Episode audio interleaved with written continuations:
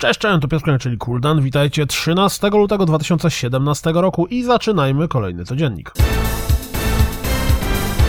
Jak widać na zwiastunie Edge of Eternity, gra robiona przez mały team, 6 osób w tym przypadku, nie musi być oparta na pixelarcie.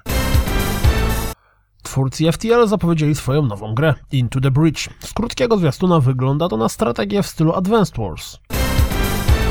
Pojawił się krótki teaser zapowiadający Stories Untold, który wygląda niczym Stranger Things The Game. Gra zadebiutuje 27 lutego.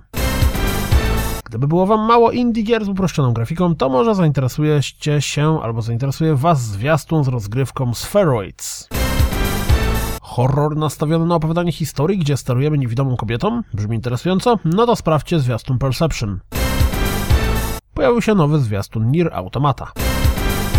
Do Street Fightera 5 dołączy towarzyszka Colin, z którą to możemy zapoznać się oglądając poświęcony jej zwiastun. Premierowy zwiastun Sniper Elite 4 przekonuje nas, że odpowiednie wyrzucie czasu to droga do sukcesu, mm, albo droga do czyjejś czaszki. Pojawił się filmowy zwiastun Warhammer 40 000 Inquisitor Martyr. Zainteresowani? Premierowy zwiastun For Honor prezentuje się następująco. To tam są słonie?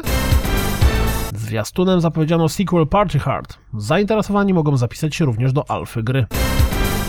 Star Trek Bridge Crew zaliczy kolejną obsuwę i pojawi się dopiero 30 maja.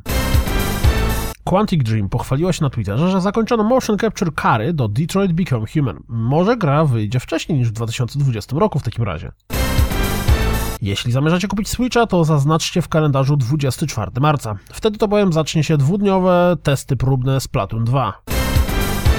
Z raportu finansowego Blizzard Activision, czy też z Kinga, wynika, że Destiny dostanie w 2017 roku pełnoprawny sequel. Steam zrezygnuje z systemu Greenlight i wprowadzi system Steam Direct. Planowanie od wiosny 2017 roku. Zamiast głosowania deweloper będzie musiał wnieść opłatę. Na razie nie ustalono tej wartości, ale we wpisie zasugerowano rozrzut pomiędzy 100 a 5 tysiącami dolarów. Hmm, niezaprzeczalnie Steam potrzebuje zmian. Pytanie, czy te zmiany są odpowiednie. Pojawiły się dwa nowe japońskie zwiastuny ARMS.